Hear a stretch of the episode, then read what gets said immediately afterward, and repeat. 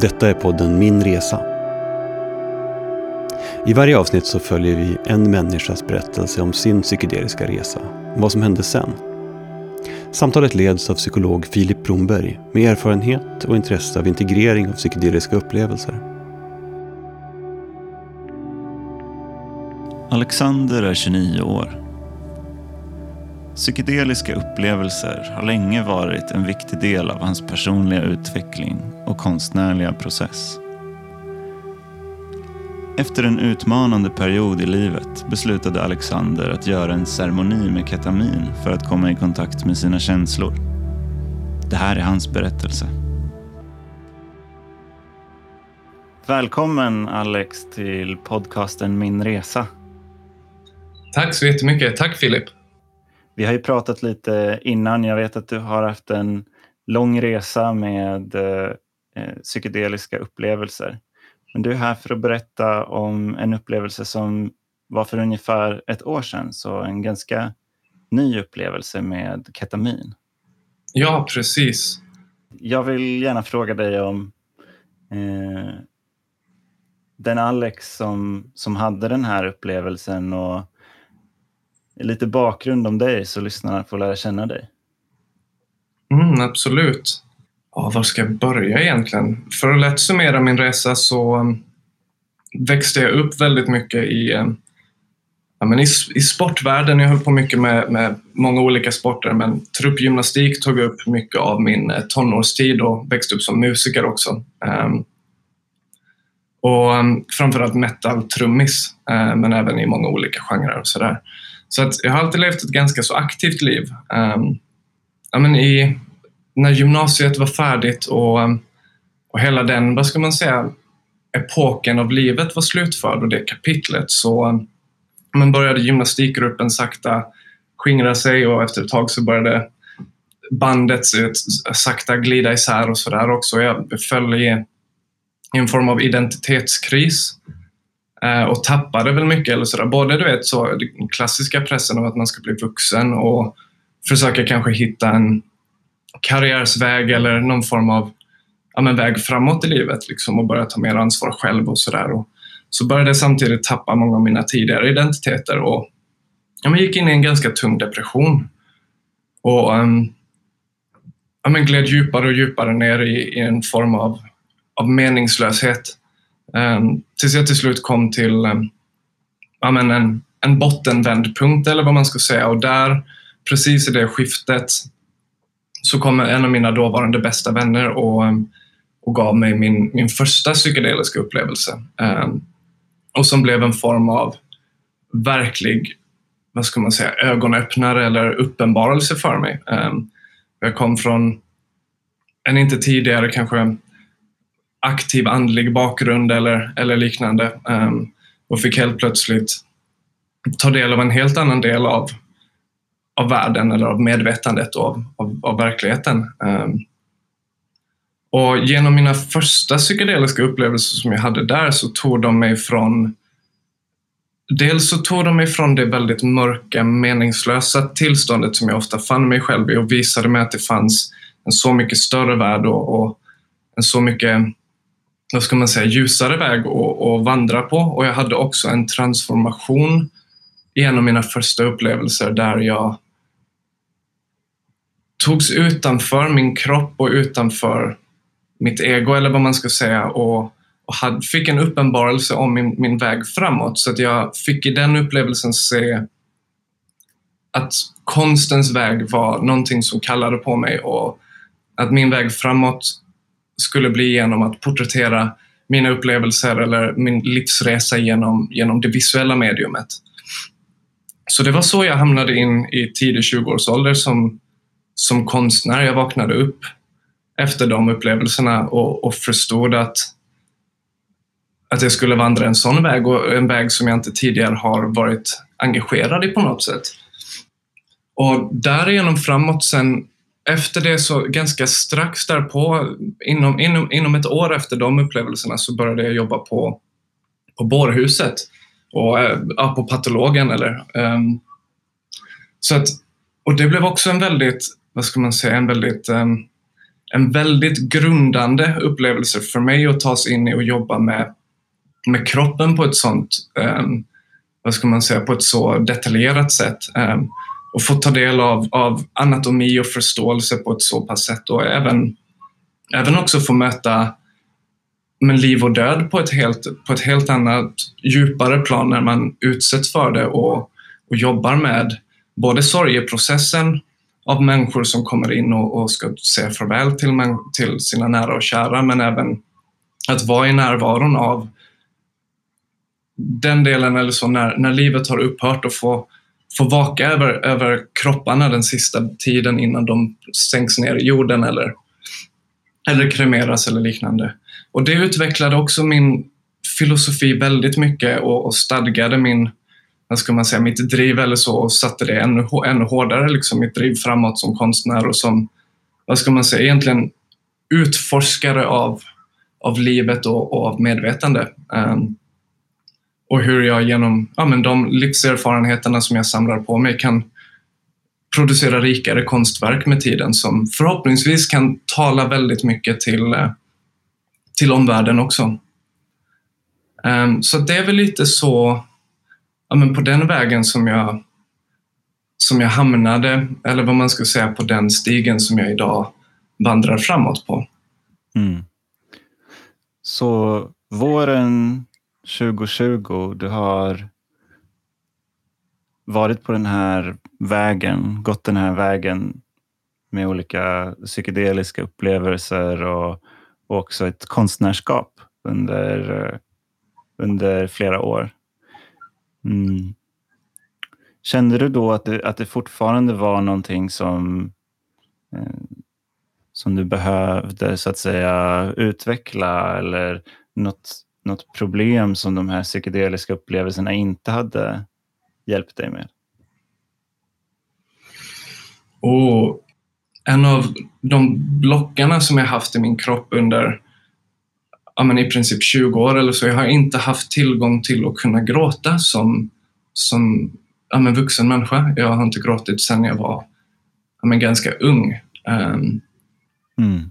Så det finns, och det har bland annat kommit i takt med många andra temperamentala och andra prylar i psyket så har det gett uppkomst till mycket ilska och mycket aggression och liknande för att det har varit där jag har kunnat, eller så det har ju blivit där utloppet för mycket känslor har, har tagit spel istället för att jag kunnat kanske gå in i sorg eller öppna upp mig och, och verkligen men släppa ut tårar eller liknande. Så att, men det var en av de grejerna som jag ville gå in i, i den här upplevelsen och, och börja jobba med och inte bara då sorg utan överlag att komma ner i mitt hjärta eller komma ner i en mer emotionell närvaro för att jag har en tendens att kunna fastna mycket uppe i, i huvudet, mycket uppe i tankar och i kognition och så vidare. Och jag behöver lära mig att ta hissen ner till det emotionella och, och landa där. Så berätta hur det, hur det kom sig att du gick igenom den här upplevelsen med ketamin. Jag hade eh, tidigare, lite mer än en månad tidigare, så, så hade jag varit med om en, eh, en bilolycka. Eh, det var jag som var förare och, och det gick bra för, för mig och sådär. Det var inga personskador.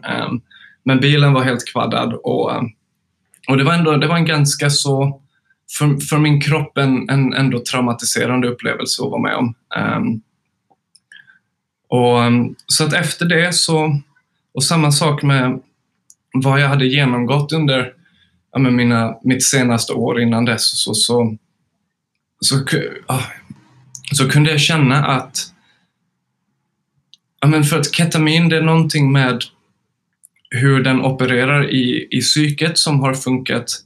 Det har fungerat, alltså varit en väldigt effektiv medicin för mig att kunna penetrera ner i eh, till exempel minnen eller känslor som jag inte riktigt har tillgång till i vanliga fall eller liknande. Det har en tendens att väldigt naket öppna upp mig inför mitt, mitt eget psyke liksom, på sätt som, eh, som är väldigt nyttiga för mig och ger mig insikter som, som jag har väldigt svårt att, att kunna nå till annars.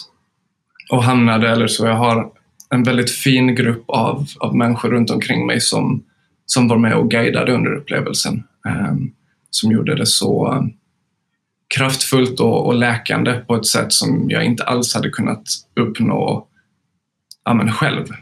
Utan också en förståelse under upplevelsen för vikten av vänner eller vikten av nätverk runt omkring Vikten av att kunna ja, men, bli lite uppfångad av, av sin omgivning emellanåt. Liksom. Eh, för att vi, är, vi har ett, ett jättestort ansvar över oss själva men vi är inte alltid starka heller så vi behöver, vi behöver verkligen den eh, ja, men vad ska man säga, kramen från utsidan emellanåt. Liksom. Mm. Så hur blev det i, i själva upplevelsen? Hur var den för dig? Den var väldigt, den var väldigt, väldigt kraftfull. Um, och det blev jättefint. Vi kom hem uh, ja, men till, till en stuga som vi var i och um, vi klädde om i vita kläder. Vi hade ett väldigt fint ceremonirum som var uppsatt med en, en vit bädd och lite blommor runt omkring. Uh, väldigt lugn musik och, och tända ljus och så vidare. Så att hela stämningen var, var jätte, om man ska kalla det för meditativ, den var väldigt, väldigt lugnande för, för både kropp och, och sinne. Det vi hade valt den här gången var att göra eller så ketaminsessionen intravenös så att ja, men, ge, ge den möjlighet att kunna gå vad ska man säga, väldigt mycket djupare. Um, och vi hade väldigt bra guidning, sjuksköterskor och, och, liknande som var, som var där och administrerade så att allting gick, gick väldigt bra till. Eh, och det fanns, det fanns liksom inga, inga orosmoment i det. Eh, så utan min, min kropp var väldigt bra hållen där och sen så, så att jag kunde gå in i min inre sfär och, och gå in i upplevelsen. Och när det väl satte igång så... För att dels så var, var själva mängden ganska så hög så att jag visste om att det skulle bli en, en intensiv upplevelse men jag hade ingen aning om hur upplevelsen skulle vad ska man säga, spela ut sig och vilken magnitud den skulle vara på. Så att de gav mig lite grann i början bara för att kolla ja, men, reaktion och, och sådär så att jag kände in det och sen så fick jag hälften från äh, fick jag hälften av mängden på en gång och jag låg från att vara väldigt lugn och helt nykter till att det var som att ett tåg kom körande i hundratals kilometer i timmen och körde över mig, eller vad man nu ska säga. Alltså den farten och trycket när ett tåg kör förbi en på perrongen, samma intensitet tog tag i hela min kropp och började sträcka ut mig. Det var som att jag sträcktes ut från fötterna och huvudet längre och längre ut, längre och längre och längre tills jag gick i princip, alltså kunde, vad ska man säga, omspanna hela jordklotet. Och till slut var det som att varenda cell i min, i min kropp brast och jag sprack upp i rent ljus. Och min, om, om vi ska kalla det för egoidentitet, alltså min identifiering med Alexander, den, den jag är, upphörde att existera och jag kunde gå långt utanför mig själv. Um, och genom den upplevelsen så, så togs jag igenom, alltså det första som hände bland annat var att det kändes som att jag, och det här blir väldigt ja, men science fiction-aktigt eller vad man ska säga, men det kändes som att jag färdades in och ut genom dimensionella spektrum eller så, genom tid och rum, fram och tillbaka, icke-linjärt. Um, och jag minns att typ, jag hade vissa upplevelser som var att jag åkte ner genom DNA-spiraler vad som kändes som genom i min egen kropp på en mikroskopisk nivå och fick se olika, ja, men väldigt mycket väldigt mycket kroppsliga funktioner och liknande. Och när jag åkte igenom DNA-spiralerna så kunde jag se olika minnen, olika händelser i mitt liv och kastas tillbaka till ja, men någon händelse när jag var sju år gammal som sedan triggade upp beteenden när jag sen var kanske 11-12 som sen ledde in till andra händelser när jag var 15-16 och sen som 20 år gammal och så vidare. Så jag fick se på ett väldigt linjärt sätt där olika ja, men, händelser och, och olyckor och, och, annat som har hänt i mitt liv och hur de senare har spelat ut sig. Um, och på ett superkroppsligt sätt. Det är inte så att man bara ser dem utan man återupplever allt och, och samtidigt som på vissa plan så är man i ett kanske vuxet kognitivt förstående, eller så här, förstående medvetande i de upplevelserna samtidigt som man verkligen får plockas ner till att vara sig själv simulerat sju år gammal med känslorna man hade där, minnena man kan känna i kroppen på när man var ett barn och så vidare. Och, mm. och det var otroligt kraftfullt. Um, och jag hade även djupa, så jag gick igenom mycket det var, det var ganska tungt. Det var många moment av väldigt, väldigt, väldigt djup skam.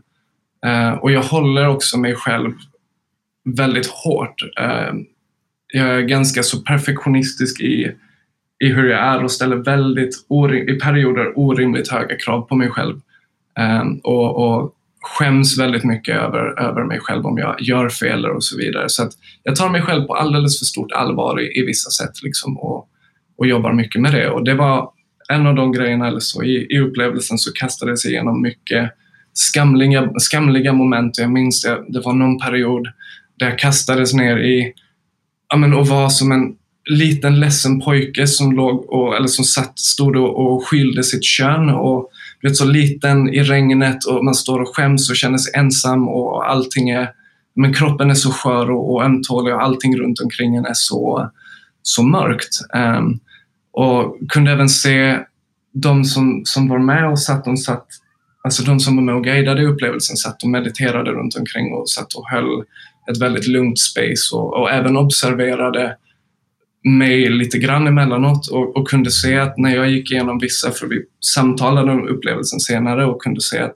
i vissa samtal när jag gick igenom väldigt kroppsligt och, och psykologiskt um, prövande eller tunga moment så, så kunde de se hur det synkade med att, att min kropp började röra sig, sig eller kanske knöt ihop sig mer, armarna och benen korsades och så vidare. Just att man kunde verkligen se den kroppsliga och fysiska ångesten manifesterar sig jättetydligt. Och sen så hur, eh, ja men ofta efter en liten stund hur min kropp gick in i djup, djup andning, som väldigt djupa, tunga andetag och släppte upp allting. Eh, och då synkades det eller så just med att man kunde se hela min kropp slappna av igen. Eh, och jag då i min inre resa hade inte tillgång till min, min kropp i upplevelsen utan jag var ju i i inre sfärer eller inre världar. Eh, men kunde också då gå vidare till andra moment senare. Mm. Um, och när jag började komma... Det, var, det här var... Upplevelsen tog ungefär 30 minuter av en out of body experience, alltså 30 minuter av att vara helt utanför min egen kropp eller att inte uppleva att jag har någon tillgång till min egen kropp och färdas in och ut genom ja, men minnen, genom mig själv och, och genom ja, men som sagt min cellkropp, min, mitt DNA och så vidare eller vad jag då upplevde som det. Um, och när jag kom tillbaka eller så fick mina första förnimmelser av att ja, just det, jag har en kropp. Jag är Alexander, jag är så här och så här gammal och, och så vidare. Så började min kropp bli väldigt, väldigt spänd och allting blev kallt och andningen blev ganska svår och intensiv och det började bli ett väldigt högt tryck över bröstet, precis som en, en panikångestattack eller liknande.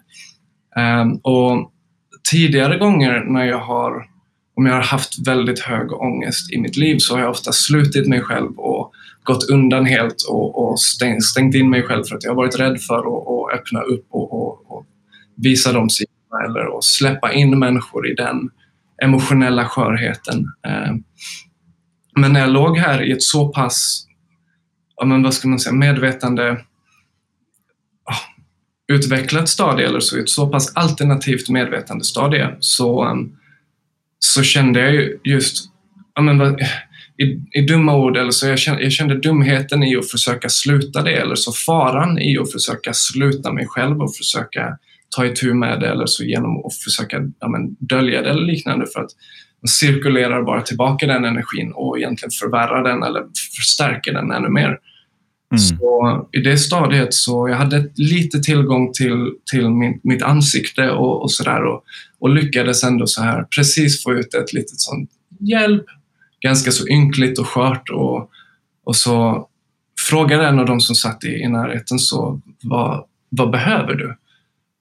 Och jag bad dem att bli hållen. Och det var väldigt, väldigt ovanligt för mig att, att, att våga be om en sån grej eller så och, och att efter att ha bett om den vågat ta emot den. Um, och så frågade de men vem, vem ska hålla dig eller så vill du bli hållen av någon speciell och så sa jag bara så alla. Och så satte de sig runt mig och det var bara, bara män i den upplevelsen vilket var, var väldigt vackert. Um, och, och vissa av dem väldigt nära, nära vänner. Um, och de satte sig runt omkring och någon la sig med sin, sin kind mot min kind och, och någon la sig över mig och, och höll i mina händer och så vidare. Och det var så otroligt vackert och jag kände direkt hur hela den ångesten eller hela den, ja, vad ska man säga, skakandet i kroppen och energin bara brast upp och jag brast ut, jag brast ut i tårar. Och jag började gråta så mycket, så kraftfullt. Och jag låg och hulkade och jag grät och jag var, eftersom jag fortfarande var väldigt påverkad av, av ketaminet så simulerades jag ner så att jag låg och upplevde mig själv som liten, liten pojke som låg och grät. Och jag var ung tonåring och jag var ung vuxen och så jag gick igenom många olika åldersstadien och fick gråta ut de 20 åren av, eller börja i alla fall gråta ut de 20 åren av, av undertryckta eller förtryckta tårar. Eh, mm. Och Det var så vackert. Många av dem som var där började gråta tillsammans och vi låg bara och höll varandra och grät och grät och grät. Och, och under många gånger under den upplevelsen kände jag också så här, ja, men du vet, nu tar jag för mycket plats, nu måste jag sluta med detta, nu har jag gråtit tillräckligt länge. Olika sådana du vet, röster som är så, här, så, så toxiska, eller vad man ska säga, för att vi hade ju gett den här tiden till, alltså de var ju här för att hjälpa till med det. De behöver inte ens argumentera varför egentligen, men just att det var jätteviktigt där att jag vågade ta plats och inte så här sänkte mig till de rösterna liksom, så att jag gav mig plats att fortsätta ja, men gråta så länge jag kan och du vet, jag började, alltså jag började skratta emellanåt och började skrika nästan och, och gick in och, ah, till, tills hela min kropp var helt matt, helt svettig och helt nyfödd. Jag kände mig badad i, i kärlek, i tårar, i, ah, i, i, om vi ska kalla det, i, i ljus, alltså i ren lätthet i kroppen. Mm. Um, och